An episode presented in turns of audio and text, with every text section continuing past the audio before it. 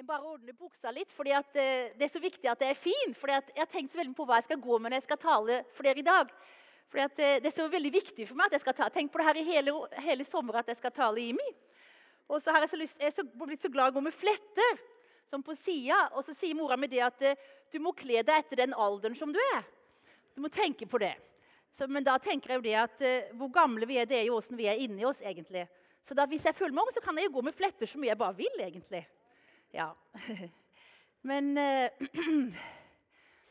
jeg er veldig veldig glad for å stå her og veldig veldig rørt. Og jeg håper ikke jeg kommer til å grine så mye under talen. Men eh, det er så veldig mange mennesker som betyr så mye for oss, som sitter akkurat her.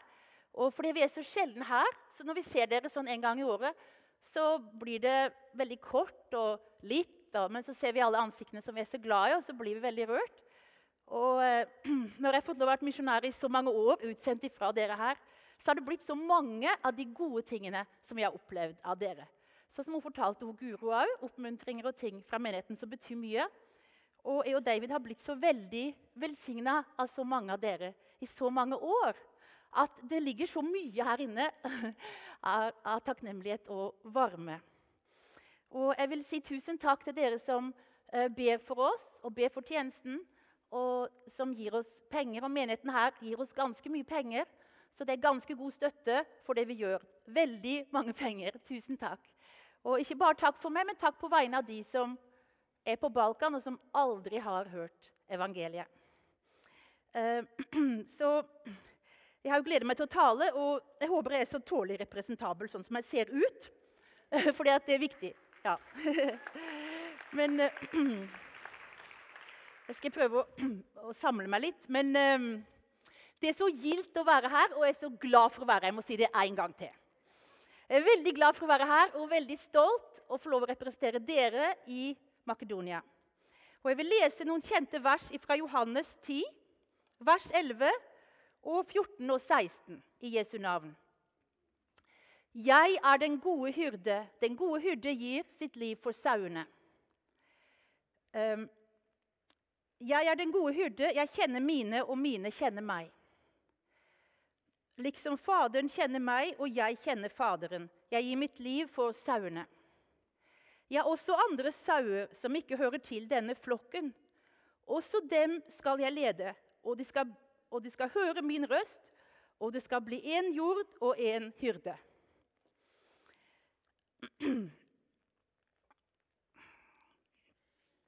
I Makedonia, der som vi bor, så er det rundt um, kanskje i hele landet kanskje 2000 evangeliske kristne.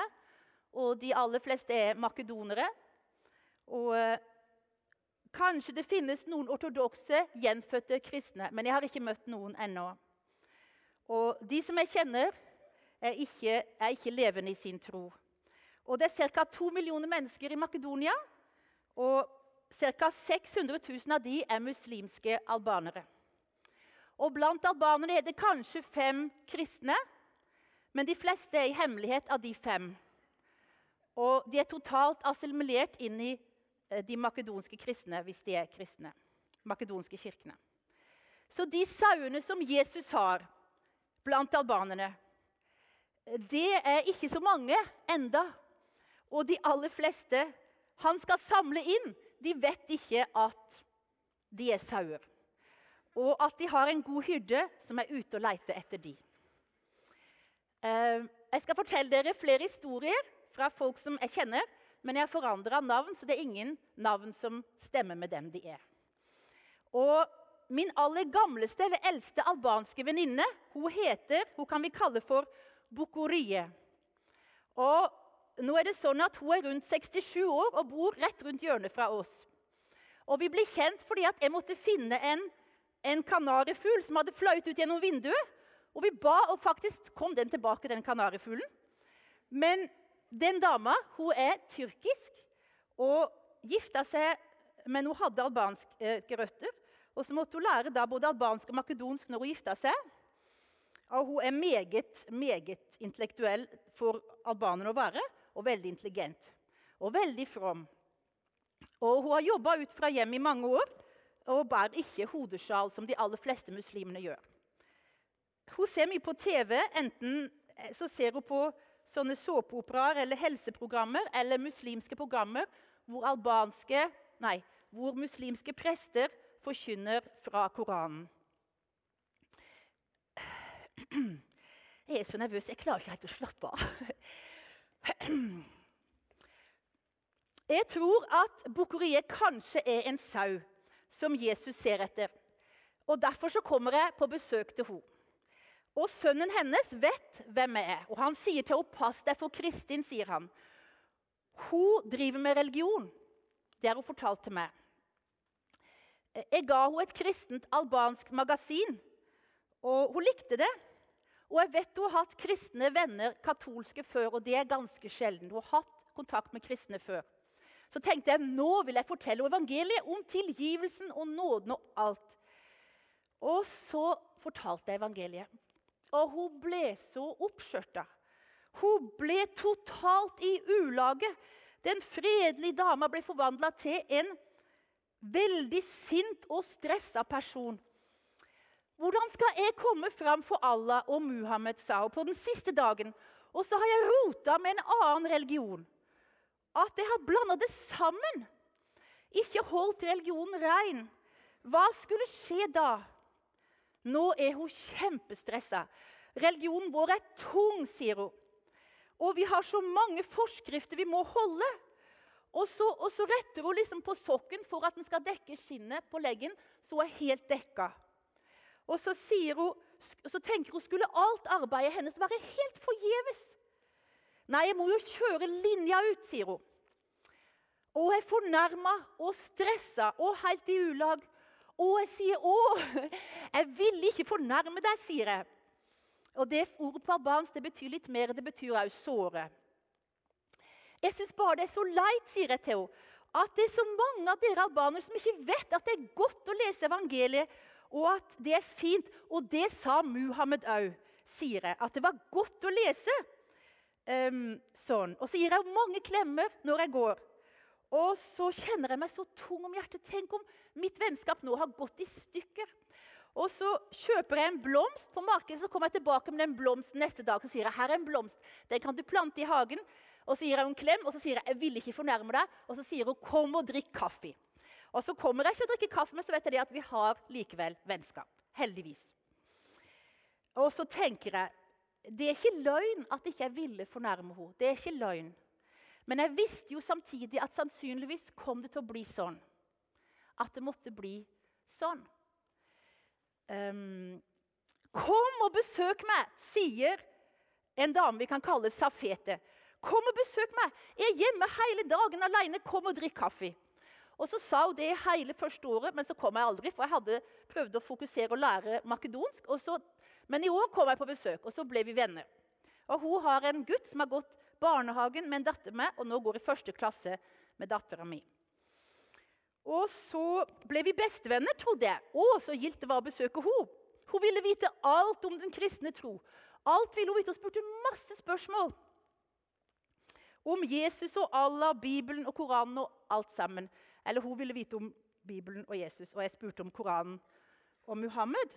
Og så var hun veldig engasjert. Og så kjekt tenkte jeg. Tenk å møte noen som virkelig er åndelig interessert. Og det var spennende, tenkte jeg. Men neste gang vi møttes, så, så var jeg akkurat som luft for henne. Ja, Vi møttes jo knapt på flere uker, for hun prøvde alltid å unngå meg. Jeg kjente meg så avvist og lei meg. Jeg trodde vi liksom var blitt venner nå. Og så bestemte jeg meg for å bare liksom late som ingenting var hendt, og liksom hilse på igjen, sånn vennlig. Og så sa hun 'kom på besøk og drikk kaffe'. Og så har vi blitt venner igjen. Um, men henne av og til hun behandler meg som luft når vi er sammen med mange folk. Og hva kan hun ellers egentlig gjøre? For hva er det egentlig hun har gjort? Hun har blitt venn med en aktiv, kristenutbredende person. Tenk om folk fikk vite at vi er gode venner, og hva er jeg? Har hun gjort seg sjøl skitten nå? Er hun på gal vei? En dag så fikk hun fire kristne albanske ukeblader av meg. De har så mange gode oppskrifter, sa jeg, i de bladene. Ja, men jeg vil ikke fornærme deg, sa jeg. Du vet, Det står mye om kristendommen i de bladene. Å nei, sa hun. Jeg blir ikke fornærma. Og Så kom sønnen inn i rommet på 11 år, og så la hun de fort under bordet, så ikke han skulle se at hun hadde fått de. Um, denne dama har veldig stor tillit til meg, for hun har et hemmelig fysisk handikap som hun ikke forteller til noen, men jeg får vite alt. Og det er fordi at Vi er jo liksom utenfor sladderkjedene som albanerne har. Hun vet at jeg ikke er med på det, så jeg kommer ikke til å sladre om det til de andre. Jeg er veldig glad i henne, men jeg blir fremdeles lei meg når hun later som hun ikke kjenner meg. Så kjenner jeg meg veldig avvist og veldig lei meg. For jeg vil jo være ordentlige venner med de, ikke bare sånn. De er jo mine venner, tenker jeg. Og så lurer jeg på må det alltid være sånn at jeg blir et tabu for mine venner her. De kan bruke meg og gråte på skuldra mi, men lengst knapt kjenner meg når vi møtes på butikken. Ikke alltid, men innimellom. Og hvor langt er jeg egentlig villig til å gå?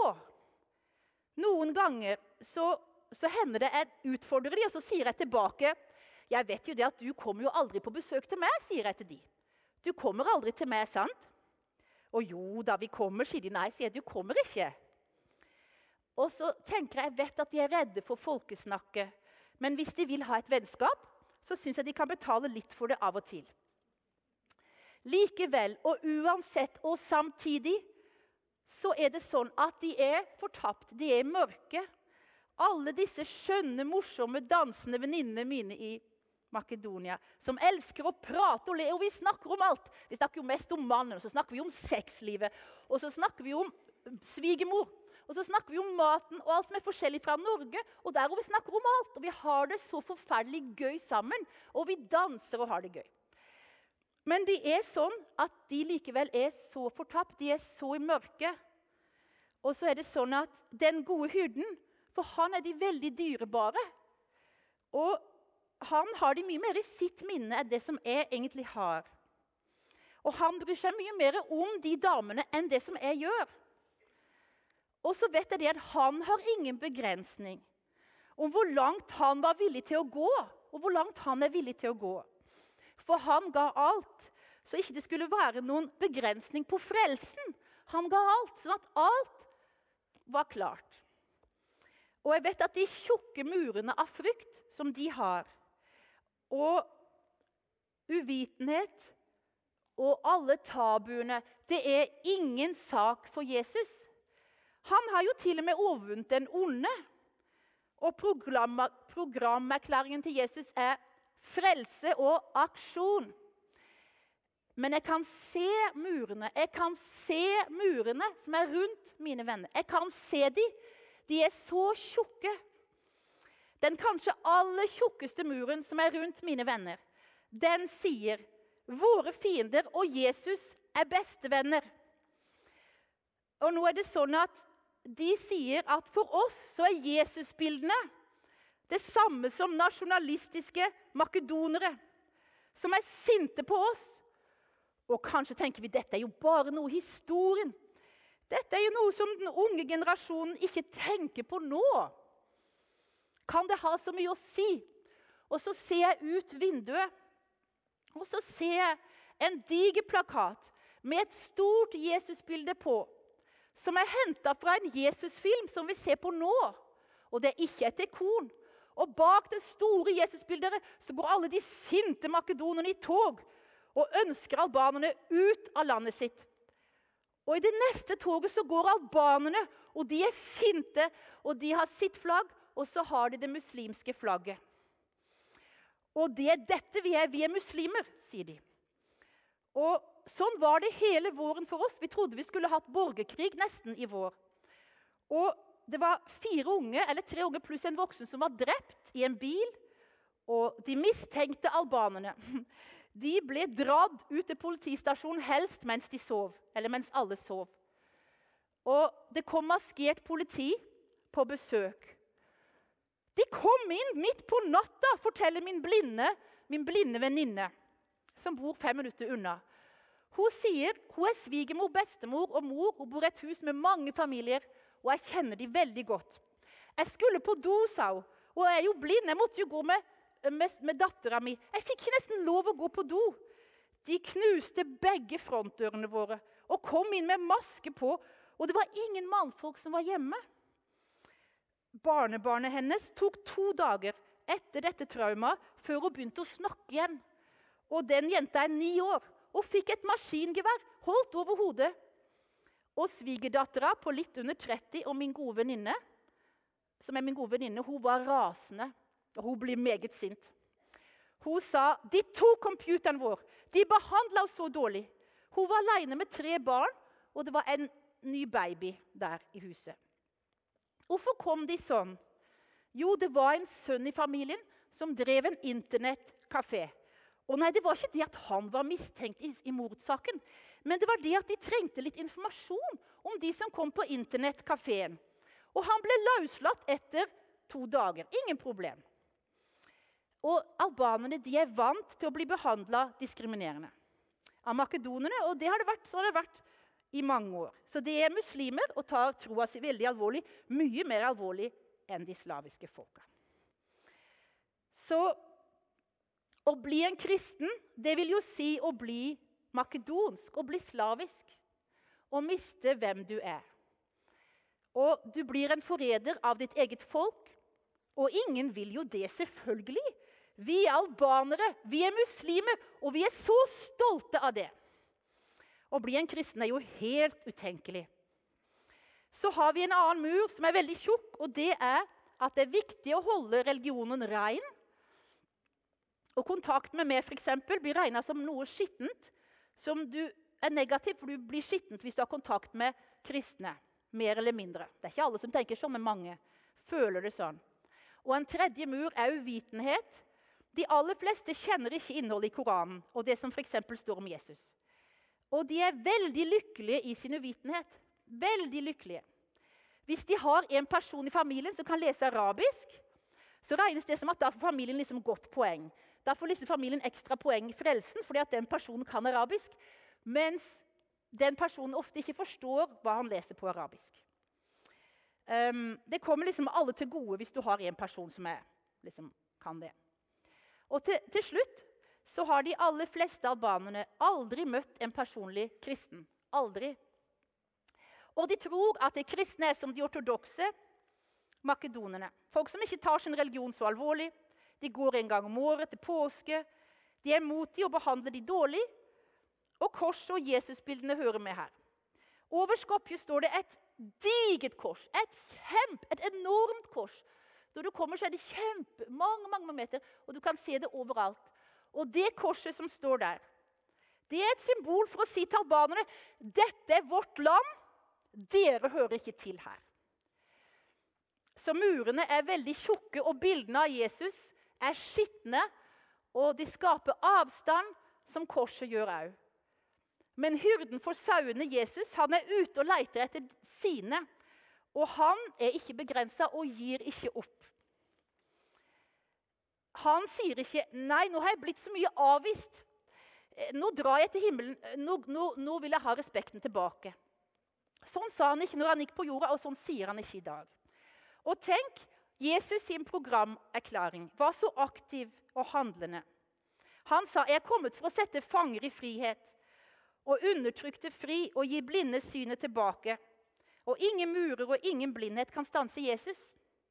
Den gode hyrden som gir livet sitt for sauene. Og som sier han har andre sauer òg. Og da må han vel ha noen sauer, tror jeg, i Makedonia. For det er jo så få han har funnet enda, som vi kan se, som vi vet. Um, den blinde dama som opplevde at politiet kom inn, og hennes svigerdatter de er nesten mine aller nærmeste venner i Skopje. Og de er veldig fromme muslimer. Svigerdattera kan vi kalle for Ajete. Hun går ofte helt svart. Og så sier hun til meg når jeg bøyer meg for Allah, så kysser jeg ansiktet til Gud. Når jeg bøyer meg helt ned, sier hun. Eh, jeg har ofte vitna for henne om Guds omsorg for oss materielt. Men det har hun òg opplevd. Hun sa ofte vi hadde ikke penger. Så ba vi til Allah, og så fant jeg 1000 dener som lå på veien. når jeg gikk på veien. Allah sørger for oss, sier hun. Og så tenker jeg at Ajete kanskje er en av de sauene som Jesus leiter etter. Litt fordi jeg, jeg tenker så mye på å gjøre det som er rett. Og Gud er veldig viktig for henne.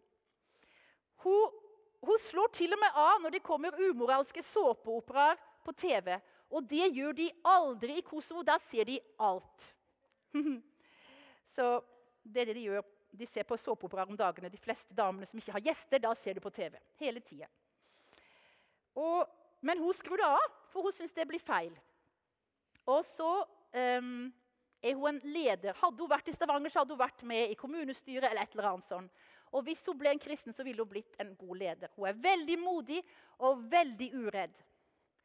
Tenk om hun kommer inn i Guds rike, sier tenker jeg. Men hun prøver å skjule hvem jeg egentlig er.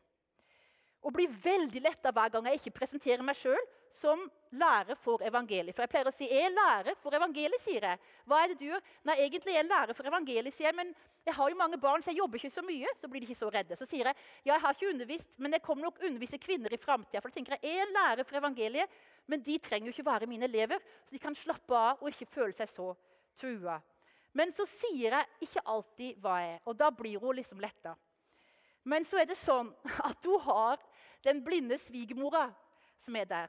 Og hun ødelegger alle planene hennes. For den blinde svigermora har lest hele Koranen på albansk, så hun vet hva som står der. Og så, så hun da, så er hun så interessert i å snakke om Jesus og åndelige spørsmål. Og så sa hun forleden når Jesus kommer tilbake, da skal han gifte seg med en dame. Og så heldig den dama er som blir gift med Jesus, sa hun. Så sa jeg det at sånn er det jo ikke. Og så fikk vi snakka om mange ting. Sånn at hun, Det er jo ikke så lett å si til en blind, gammel svigermor at du må holde munn. Sånn at hun får lov til å åpne opp samtalen. Nå er det sånn at den venninna som har en blind svigermor, hun bor nær, rett i nærheten av der som jeg bor. Men for noen år siden så bodde hun i Norge. Hun var en av de muslimene som bor i ditt nabolag. Hun bodde i to år i Norge. Hun lærte norsk, hun spiste norsk mat og lærte norsk kultur. Og det er ganske langt ned til Makedonia for oss, og det tar jo en stund å komme dit. og sånn. Men det er jo ikke så veldig langt til våre muslimske naboer her i Norge. Og jeg tenker det at den gode hyrden kanskje er ute og leiter etter sauer akkurat nå, her. Og Kanskje du kan være en tunnel gjennom deres tjukke murer av tabu og frykt og uvitenhet, sånn at det kan komme litt lys til de her. Tenk om det blei sånn. Nylig så hadde min flotte, kjekke og uvanlig intelligente ektemann han hadde seminar for oss misjonærene i Skopje. Og Han fortalte om en undersøkelse som var gjort i hele verden blant muslimer i alle land som kom og blei frelst. Og da var det sånn at Hvorfor var de blitt kristne, og hvilke faktorer spilte inn? Og da, Det som var nummer én på lista, og det som slo ut absolutt alt Og det var ikke drømmer, for jeg trodde det var drømmer og visjoner av Jesus. Jeg trodde Det var nummer én. Det var ikke nummer én. Og det var heller ikke mirakler. Det var lenger ned på lista. Vanlige bønnesvar var ganske høyt oppe. Men aller øverst, overalt, så var det kristen kjærlighet, integritet, kristne ekteskap, god behandling av kvinner osv. Det var hovedgrunnen til at muslimer i dag blir frelst. Eh, det har gått, vært så godt for meg å høre, og jeg tenker på det. Og så tenker jeg at Da må vi jo være i kontakt med de, så de kan oppleve denne kjærligheten. Og se våre uperfekte kristne ekteskap og føle respekt og kjærlighet. Og så, Da vil jeg gjerne oppfordre alle dere flotte, elskelige, skjønne, nydelige IMI-folk som er her. Jeg vil oppfordre dere til å ikke se, veldig, ikke se lite på den lille kjærligheten som du kan gi en muslim i din hverdag. Se stort på det. For det er vår oppgave å være tunneler gjennom deres murer. Men så er det Jesus som skal lyse, heldigvis. Og det kan han. Og ofte åpenbarer han seg sjøl åpenbarer seg sjøl helt direkte. I drømmer over hele verden åpenbarer han seg sjøl. Og tilbake til min skjønne, intelligente mann. Kallet hans og tjenestene hans i Skopje det er, nå det er nå hovedsakelig å jobbe med Internett og bibelkorrespondansekurs. Og Den første websida er allerede oppe nå, og på albansk. Og der er Det sånn at det er fem muslimer som har hatt drømmer om Jesus. Og det er dramatisert, så det har blitt liksom sånn små um, filmer. Og lagt, tatt opp og oversatt til albansk. Og um, Da er det folk som har møtt Jesus i drømmer og blitt kristne. Det var en ung jente hos oss som hadde en sånn drøm i vår. Hun er overbevist som muslim fremdeles. Men i den drømmen som hun hadde, så viste Jesus henne den smale og den breie veien og sa det at du må velge den smale veien hvis du vil komme inn til livet. Sånn som vi tenker, så må vi enten drikke 100 kopper tyrkisk kaffe og ha en god mage. Og så må jeg være. Jeg drikker tyrkisk kaffe. Eller og så må vi ha vennskap. Eller så må vi bruke anonymitet og sende ut lys gjennom Internett, sånn at ingen andre trenger å vite at du har begynt å lese evangeliet. Det er ingen steder som er for mørke til at Gud ikke kan bryte gjennom. Ingen er uten håp når Jesus kommer inn. Absolutt ikke en eneste person. For han er den gode hyrden som, som en gang kom inn i ditt liv. Han smelta jo ditt hjerte. Det var han som rørte ved din vilje. Det var han som ikke ga opp før han hadde du hjemme hos seg. Kanskje du tenker å ja, men jeg vokste jo opp med en kristen familie. Vi hadde jo bestemor. Og det var så lett for Jesus å få meg Det er liksom ingenting å snakke om. Det var jo så lett um, å få meg interessert. Men jeg har lyst til å si at selv om det var din tippoldemor som kjempa en lang kamp for å bøye seg for Gud Og om det så var vikingene, som ingen trodde ville omfavne Kristus som kom Det trodde iallfall ikke engelskmennene. De ble jo frelst. Så det er sånn at den samme kampen og det samme offeret som Jesus gjorde for oss alle. Så han fikk den autoriteten han har til å sette fanger i frihet. Den samme kampen var også for deg personlig. Og en eneste muslim Om det skulle ta ti år at en muslim skulle ta imot evangeliet i Makedonia, og alle IMI skulle be, og dere skulle be hver uke for den mannen til å endelig kunne bli omvendt, så er det sånn at du som sitter her på stolen, du er ikke mindre verdt enn den muslimen. Om du har kommet fra en kristen familie for eksempel, og ikke føler deg så spesiell av og til, for liksom det var så enkelt. Gud elsker alle likt, men ikke sånn kjedelig likt. Men like sterkt, men ikke måten han kommer til våre liv og gjennom våre murer, det er forskjellig. Du, men du er like verdifull som de andre og veldig, veldig høyt elska. Alle sammen. Det er altså det er altså sånn at det er rundt 600 000 muslimske albanere gjemt og glemt i Makedonia. Jeg syns de er ganske glemt. Jeg tror ingen snakker noe særlig om dem, for å si det rett ut. I et stort mørke. I dag skal vi tenke på de. Det er virkelig veldig mørkt for de. Og de er i sannhet ganske låst bak de murene. Hvem skal bryte gjennom disse murene? Hvem skal lage tunneler?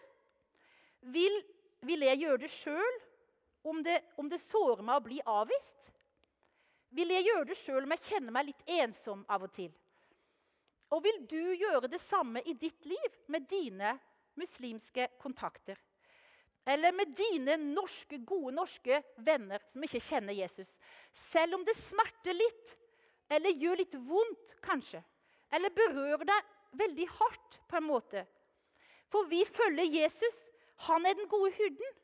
Han leter etter sine sauer. Og vi går jo med han.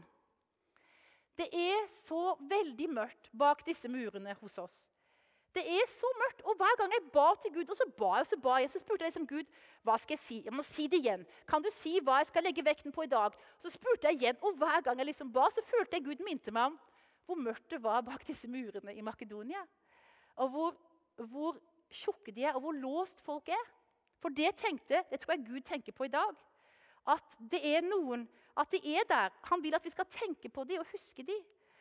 Og det er nesten ingen som har fortalt dem noen ting om sannhet.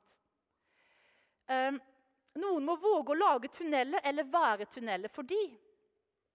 Skal vi la de sitte der i mørket og velge det som er naturlig for oss? Naturlig, For alt må jo være naturlig, ikke sant? Vi kan ikke gjøre noe som ikke føles naturlig. Det er jo litt sånn, ikke sant? Vi har ikke lyst til det. Jeg har ikke lyst til det heller. Det tror dere kanskje ikke, men jeg har ikke lyst til å gjøre noe som ikke er naturlig. Og når jeg gjør noe naturlig, blir jeg helt svett i magen helt, øh, hvis jeg gjør noe som ikke faller naturlig. Men så tenker vi på det at det er et stort mørke der, og det er tusenvis av mennesker som aldri har hørt evangeliet. Og så tenker vi på våre naboer eller jobbkollegaer eller gode venner som ikke er frelst. Og så virker det veldig hardt, og murene er veldig tjukke, og det virker veldig håpløst og veldig bundet og veldig låst. Og, og veldig tungt og deprimerende. Men så ser vi opp i ansiktet til Jesus, som smiler til oss. Jesus han er blodig i ansiktet. Han er naglemerka i hendene. Og han er blitt så dårlig behandla. Men han bare smiler, og så sier han, 'Jeg elsker deg. Du er min.' 'Jeg har kjempa for deg. Jeg ga alt.' 'Jeg elsker deg inderlig hver eneste time på dagen, så jeg er så glad for at du er min.' Kom, så går vi sammen til disse som sitter der i mørket og ikke vær redd for litt aggresjon og litt avvisning. Det klarer vi så bra. Bare følg meg. Jeg har en plan.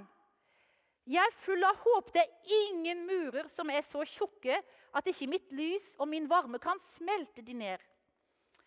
Må Gud velsigne denne menigheten her i IMI.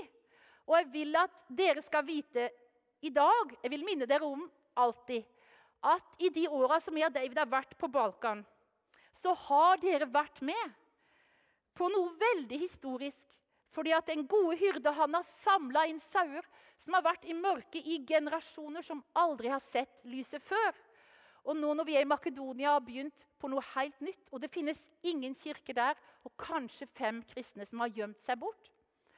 Så er det sånn at eh, det er Det er historisk og veldig veldig spesielt og veldig unikt at Imi-kirka har vært med på det og er med på det. Og jeg vil bare gratulere dere for at dere har funnet sammen med oss en folkegruppe i Europa som nesten ingen tenker så mye på. Men jeg tror Gud tenker på dem, og jeg tror han vil at de skal komme inn. Amen.